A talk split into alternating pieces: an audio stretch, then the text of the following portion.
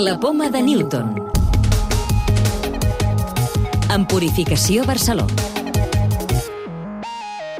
Investigadors de l'Institut de Recerca Hospital del Mar d'Investigacions Mèdiques estan treballant per elaborar un fàrmac contra la Covid-19 basat en anticossos dels pacients que han passat la malaltia. Us en parlem en el programa d'avui, en el qual també tractarem sobre Covid-19 i trasplantaments i descobrirem un nou fàrmac que podria ser útil contra la patologia. Investigadors de l'Institut de Recerca de l'Hospital del Mar utilitzen tècniques de bioenginyeria per intentar identificar quins són els anticossos més efectius contra el SARS-CoV-2. La idea és poder produir-los en laboratori i fins i tot millorar el seu efecte contra la Covid-19. A més, seria un tractament més segur que inocular als afectats plasma de malalts. Juliana Magri és la responsable del projecte. Copiar estos anticuerpos que se han producido por parte de los pacientes que han superado la enfermedad y entonces producir estos anticuerpos a gran escala en el laboratorio. Una vez testados se podrían administrar para el tratamiento de los pacientes más graves y también se podrían utilizar para la prevención de la infección en personas de riesgo. Comparado con el tratamiento con el plasma de que tiene menos riesgo y es más preciso, después se pueden aún mejorar para que sean menos tóxicos, para que sean aún más protectivo. Aquests científics també volen saber si tots els afectats generen immunitat i durant quant de temps. Si todo o solo algunos de los pacientes que han sido infectados por este coronavirus desarrollan una respuesta inmunitaria protectora y también por cuánto tiempo perdura esta respuesta después de la recuperación. También identificar factores que son asociados a esta respuesta que en una manera u otra nos permitirían predecir la severidad de la enfermedad en los pacientes con la COVID-19. De moment han comprovat que almenys els pacients més greus produirien anticossos que són efectius contra el virus i també que sembla que en alguns pacients la infecció provoca una baixada important de linfòcits, glòbuls blancs del sistema immunitari i que com més important és aquest descens, més greument es manifesta la malaltia. Més coses. Haver-se infectat amb el nou coronavirus no és un impediment per sotmetre's a un trasplantament.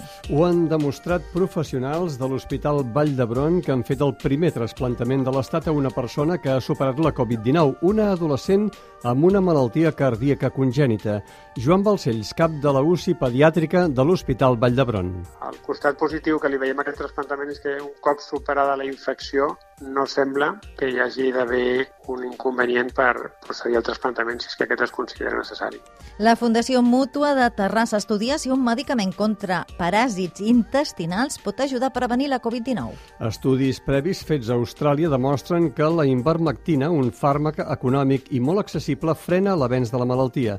Tomàs Pérez és el coordinador del projecte. Nosaltres creiem que la ivermectina pot tenir paper tant en el tractament, però especialment el que nosaltres estudiarem és amb la prevenció, amb la capacitat de que si ens hem contagiat, pensem que en aquesta fase també pot protegir.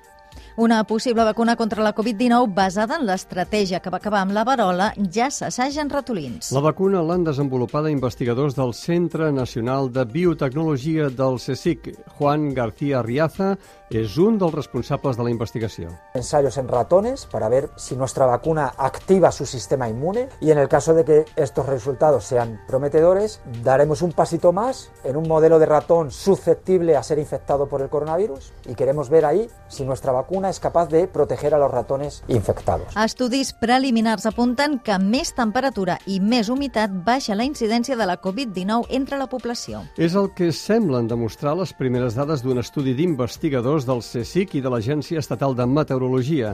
Ara, aquests científics volen analitzar si la contaminació també afecta la incidència de la infecció. La clau de volta.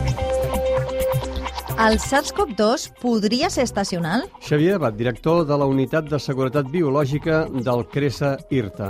Aquest virus en principi no desapareixerà. Una altra cosa és el tema de la persistència ambiental. És evident, és clar, que és que el virus serà estacional perquè hi haurà una baixada en la, en la circulació, perquè aquest virus, com tots els virus en general i els virus embolcallats en particular, pateixen per la temperatura. Temperatures per sobre de la temperatura ambient, 15 a 20 graus, normalment incrementen la inactivació del virus. Recordeu que podeu descarregar-vos el podcast de la Poma de Newton o subscriure-us al programa per rebre'l directament als vostres dispositius.